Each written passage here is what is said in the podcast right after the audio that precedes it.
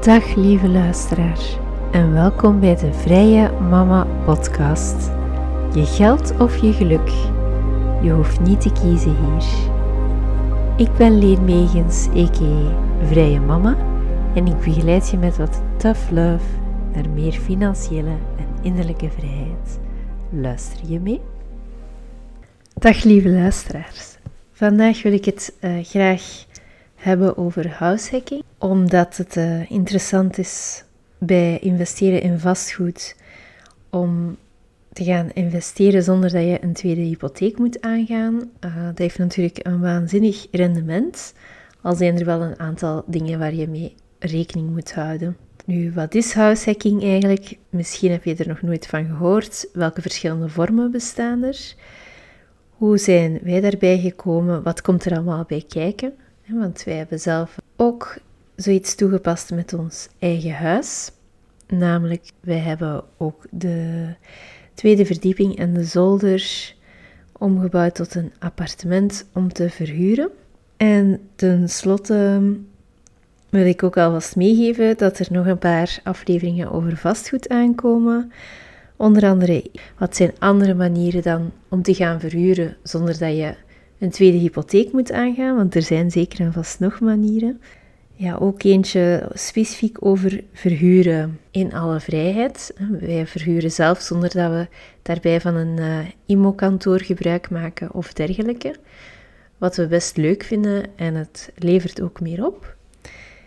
En dan komt er uh, volgende week nog uh, een speciale aflevering aan. Want de gast is daarbij mijn eigen man. Want mijn eigen man, Bart, die werkt in de wijde wereld van de uh, kredieten. Dus uh, zeker ook de moeite om uh, daarnaar te luisteren. Maar dus vandaag aflevering over househacking. Een woordje uitleg bij die term. Ik kwam de term voor het eerst tegen in de blog Millennial Money. Uh, dat was een blog van een leeftijdsgenoot van mij, uh, Grant Sabatier. Ik hoop dat ik het juist uitspreek. Een Amerikaanse man, mijn leeftijd, dus 35 of 36 nu ook, die eigenlijk um, financiële vrijheid op heel jonge leeftijd bereikt heeft. Meer nog, ik denk dat hij miljonair is geworden voor zijn dertigste.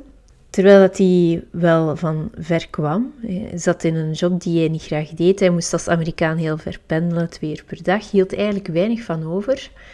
hij baalde daar zo hard van dat hij is begonnen met uh, househacking.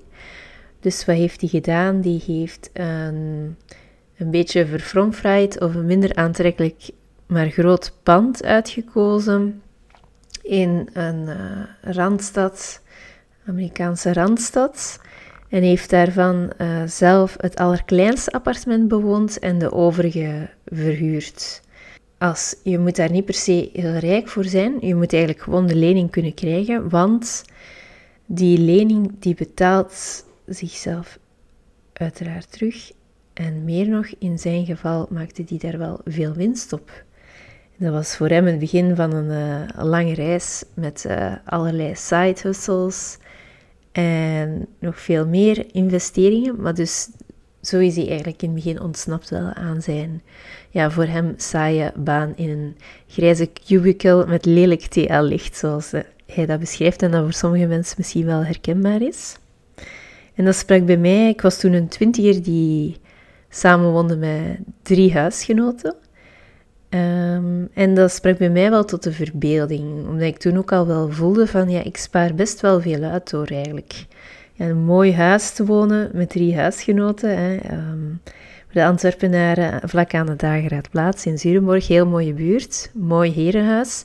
Maar we betaalden heel weinig huur, omdat wij natuurlijk met vier de huur splitten, maar ook kosten zoals energie, meubels en dergelijke. Ik heb toen nauwelijks meubels gekocht. Uh, ben aan het denken... Ja, nee. Kleerkasten en dergelijke neemde over van de vorige die daar uh, in die kamer huizen. Uh, wasmachines en dergelijke. Er was altijd wel... Iemand had altijd wel een tante waar we een wasmachine van bij konden fixen. Zo heb je eigenlijk... Um, als je co-huist ook al een heel goedkope levensstijl. Dus mijn aandacht was wel meteen getrokken. Voor huishacking, voor als je echt zelf een pand wil kopen of huren. Sommige verhuurders laten het toe dat je ook zelf een kamer uh, verhuurt, onderverhuurt. Maar ja, goede afspraken helpen of misschien iets, uh, een wederdienst voorstellen of uh, wat dan ook. Maar goed, ik ben even aan het afdwalen.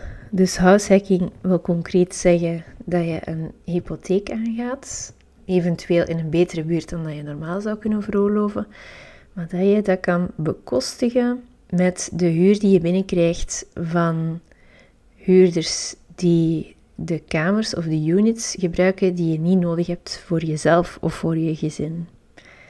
Dus dat kan gewoon een overige slaapkamer zijn, maar dat kan ook een hele unit zijn, bijvoorbeeld een appartementsgebouw.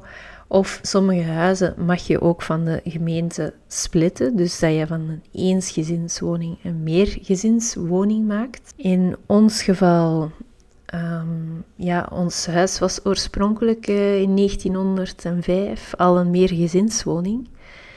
Um, dus dan ja, wij zijn eigenlijk van drie appartementen naar twee duplexen gegaan, omdat we graag met ons gezin ook een bovenverdieping wouden, met slaapkamers en een badkamer. En ja, dat mag wel perfect. Hè? Ik denk de steden die niet toelaten dat je een eensgezinwoning splitst in meerdere appartementen, dat is gewoon om de gezinnen de stad in te houden. Maar ze hebben geen probleem met van drie appartementen er twee maken, bijvoorbeeld. Dus dat zijn wel dingen die je allemaal goed moet nakijken voor je aan zoiets begint. Er zijn zeker ook mensen die niet reglementair splitsen, maar dan als je je woning weer verkoopt of verhuurt, moet je dat ook wel in de advertentie bijvoorbeeld zetten van kijk, het is ehm, ja, niet um, reglementair gesplitst, um, maar ja, je kan het ook verkopen aan mensen die er terug een eensgezinswoning van kunnen maken. Alleszins, uh, daar weet ik het fijne niet van, want wij hebben het wel gewoon volgens de regels allemaal gedaan.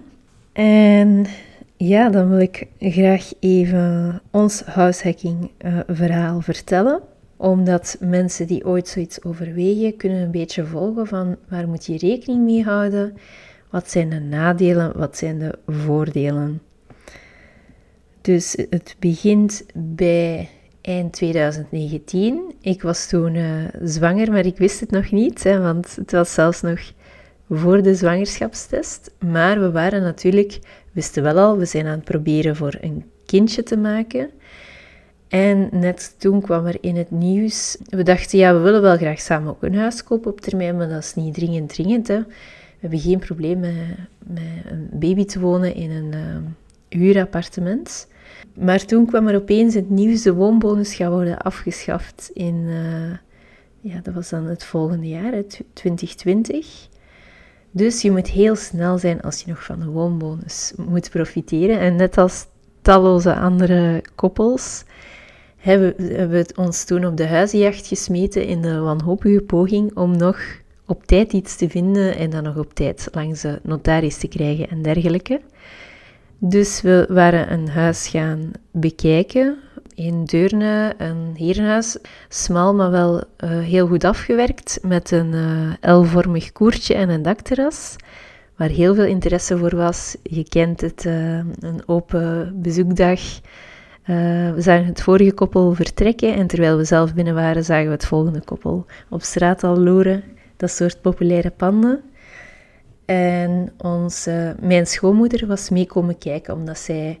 Ja, mijn schoonouders hebben al een aantal verbouwingen in hun leven gedaan, een aantal verhuizingen. Dus die zijn daar echt wel in thuis, in die dingen. En ja, Bart en ik waren heel enthousiast over dat huis. Uh, natuurlijk waren we ook beïnvloed door de andere koppels die minstens even enthousiast waren. Dus uh, wij hebben, net als negen andere koppels, boven de vraagprijs geboden. Ik denk dat het huis, ja, de vraagprijs was 359. Ja, wij hadden maar 1000 euro of zo boven de vraagprijs geboden.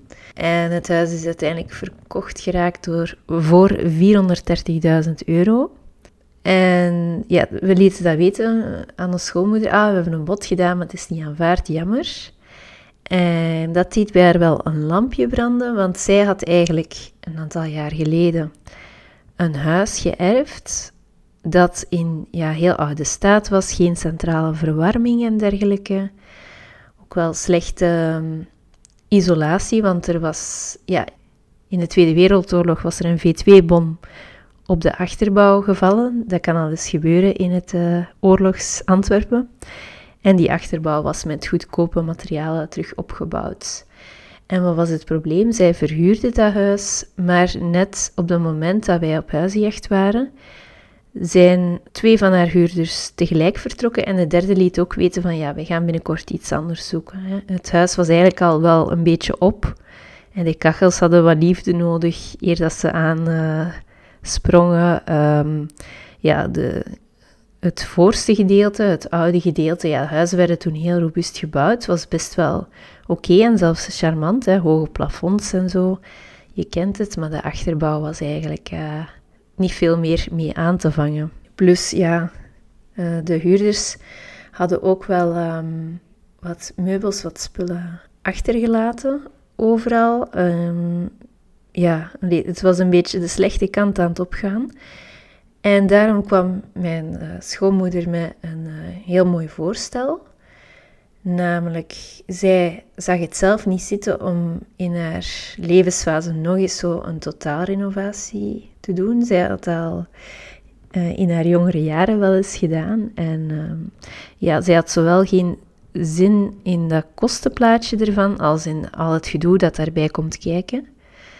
En ja, het was ook iets dat geërfd was. Maar zij rekende al gauw uit van, van ja, dat gaat mij wel meer kosten dan uh, opleveren als ik hier alles wil renoveren. Dus daarom vroeg zij van, hebben jullie als jong koppel geen interesse om dit huis te gaan bewonen als gezinswoning? Uh, en dan wordt dat wel geregeld en zo via erfenis later, notarieel. Ja, dus wij gingen kijken en ik was nog een beetje op mijn hoede, omdat ik kom uit, uit een heel uh, andere familie op dat vlak. Mijn familie is helemaal van de nieuwbouw, heeft nog nooit gerenoveerd. Uh, ja, zou ook wel een klusjesman bellen voor iets kleins. Wij zijn helemaal geen handige harries. Dus dat was een beetje uit mijn comfortzone. De gedachte van, gaan we daar renoveren? Maar we zagen wel zeker het potentieel omdat ja, zoiets als een achterbouw die op is, dat kan je echt wel gewoon slopen en vervangen. Als je zo'n totaalrenovatie ziet zitten. We waren ons wel bewust van dat het tijd en veel geld zou kosten. En ook veel moeite, zowel door aannemers als door onszelf voor de afwerkingen en de kleinere klussen zoals slopen en dergelijke. We hebben zelf wat muren gesloopt met behulp van het rugbyteam. Maar we zagen wel meteen dat potentieel van dit, zou een, een, dit is een heel leuke buurt om in te wonen. We, we zouden hier een heel charmant stekje van kunnen maken. En bijkomend ja, zagen we ook wel meteen het potentieel om eigenlijk... Ja, het was wel een ruim huis. Hè? Je kent waarschijnlijk de indeling van een herenhuis heeft uh, ja, vaak een, een, tweede verdieping nog, soms nog een zolderke. Bij ons was dat ook het geval. Dus het idee was al snel gerijpt van wat als we ons tweede verdieping nu verhuren als appartement en vrij snel daarna wat als we de tweede verdieping en de zolder verhuren, dus een duplex appartement. Want wij kunnen toch met ons gezin perfect op enkel gelijkvloers en eerste verdiep wonen. Ja, natuurlijk komen daar wel wat creatieve en technische vraagstukken bij. Uh, we kregen ook wel wat um, reacties van, zou je dat wel doen? Wat dan met privacy, dat zou niks voor mij zijn. Ik wil eigenlijk alleen onder mijn dak wonen met mijn gezin. Of mensen die zeiden, ah ja, leuk, maar ik denk wel dat jullie dat snel beu gaan zijn. Dat jullie dan graag die extra ruimte wel willen met je gezin. Wat dan met lawaai enzovoort. Maar natuurlijk, voor alles bestaat er een oplossing. Hè. Voor lawaai kan je wel uh, isolatie aanbrengen tussen de plafonds en de vloeren. Voor uh, privacy hadden we, um, had ik het idee gezien op de website van een Antwerpse architect om eigenlijk een binnentrap te zetten in de keuken, zodanig dat de huurder via de oude trap um, zijn appartement kan bereiken En dat wij in alle privacy, s morgens, s avonds in onze badjas met onze kinderen nog bloot of die op een potje moeten wat heen en weer kunnen hosselen voor de dutjes en uh, s'avonds, zonder dat wij telkens die huurder op de trap moeten kruisen. Dus op die manier, je hebt trouwens ook nog andere manieren om privacy te creëren als je eigenlijk meer um, ja, niet met verdiepen werkt, maar dat je echt op dezelfde etage woont. En dat kan bijvoorbeeld met een scheidingswand. Sommige mensen doen als ze een, uh, Airbnb hebben of een bed and breakfast, van een scheidingswand te zetten tussen een eigen stukje van de keuken en het gedeelte voor de gasten bijvoorbeeld. Of je kan met een bijgebouw werken. Er zijn altijd wel... Uh, in de meeste huizen is er wel iets mogelijk. Oké. En ik hoor dat mijn baby net wakker is geworden. Dus uh, ik ga zo dadelijk deel 2 opnemen. Duty calls. Hallo, welkom terug. Ondertussen is het al avond en kunnen we weer verder opnemen. Ja, dus uh, bij het ontwerp kwamen er al een paar uh, vraagstukken kijken. En dan moesten de echte uitvoeringen van de totaalrenovatie nog gebeuren. Tijdens dat proces zijn er nog wel een paar kleine stressjes geweest. Uh, ten eerste liepen de kosten uiteindelijk hoger dan verwacht, heel typisch bij een verbouwing. Uh, nu waren we ook wel wat optimistisch, hadden we het geschat op uh, 260.000 voor de twee appartementen. Terwijl er toch wel um, een heel nieuw gedeelte bij kwam kijken, een nieuwe aanbouw, meerdere etages, etc. Uh, uiteindelijk zaten er zeker wel uh, 100.000 euro boven. Um, nu hadden we ook wel wat marge voorzien om erboven te zitten, maar natuurlijk niet zoveel als dat. Dus ja, dat is ook wel uh, een typische les voor mensen die voor het eerst verbouwen. Ten tweede, ja, wat ook te maken had met die um, hogere kosten, is je hebt natuurlijk ook wel bij een oud huis vaak verborgen gebreken. En in ons geval was dat houtzwam. En dat wil zeggen dat er een team van rentokeel, uh, insectenbestrijders, uh, ongediertebestrijding moet komen om die houtzwam te verdelgen. Uh, maar ook dat de houten balkenstructuur er op meerdere verdiepingen uit moest. En ten derde, wat ook wat stress gaf, ja, ondertussen, het was, uh, spreken nu van de zomer 2021, dus we al een kleine anderhalf jaar corona-lockdowns achter de rug. Ondertussen zaten wij met z'n drietjes in een eenslaapkamerappartement.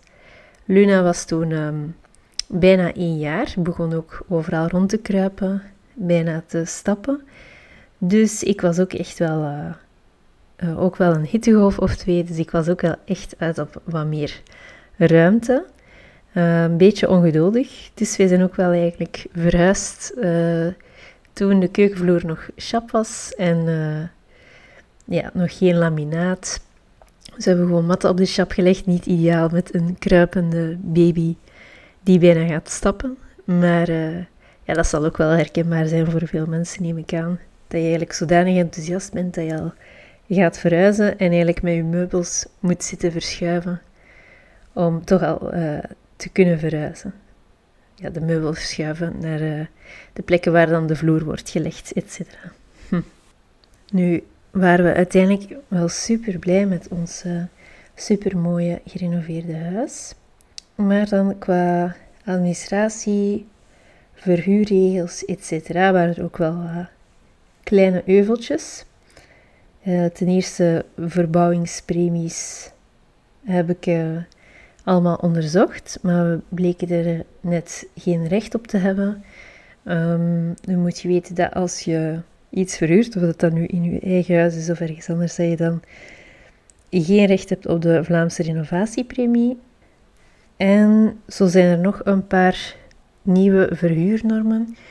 Uh, nu moet je weten dat als je ook één appartement in je eigen huis verhuurt, dat je ook automatisch wel valt onder appartementsgebouw en dat je ook wel op alle etages brandblussers moet voorzien, brandmeldcentrale, etc. Uh, bij een dakterras is een balustrade van 1,20 meter hoog verplicht bijvoorbeeld. Groendaken zijn verplicht in de stad Antwerpen. Elke gemeente of stad heeft ook zijn eigen regels.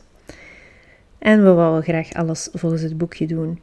Nu, uiteindelijk waren dat allemaal maar kleine dingen waar dan wel vrij snel een oplossing voor bleek. Of soms moet je even door de zure appel bijten en ja, ervan uitgaan, want het is een uh, investering echt voor de toekomst.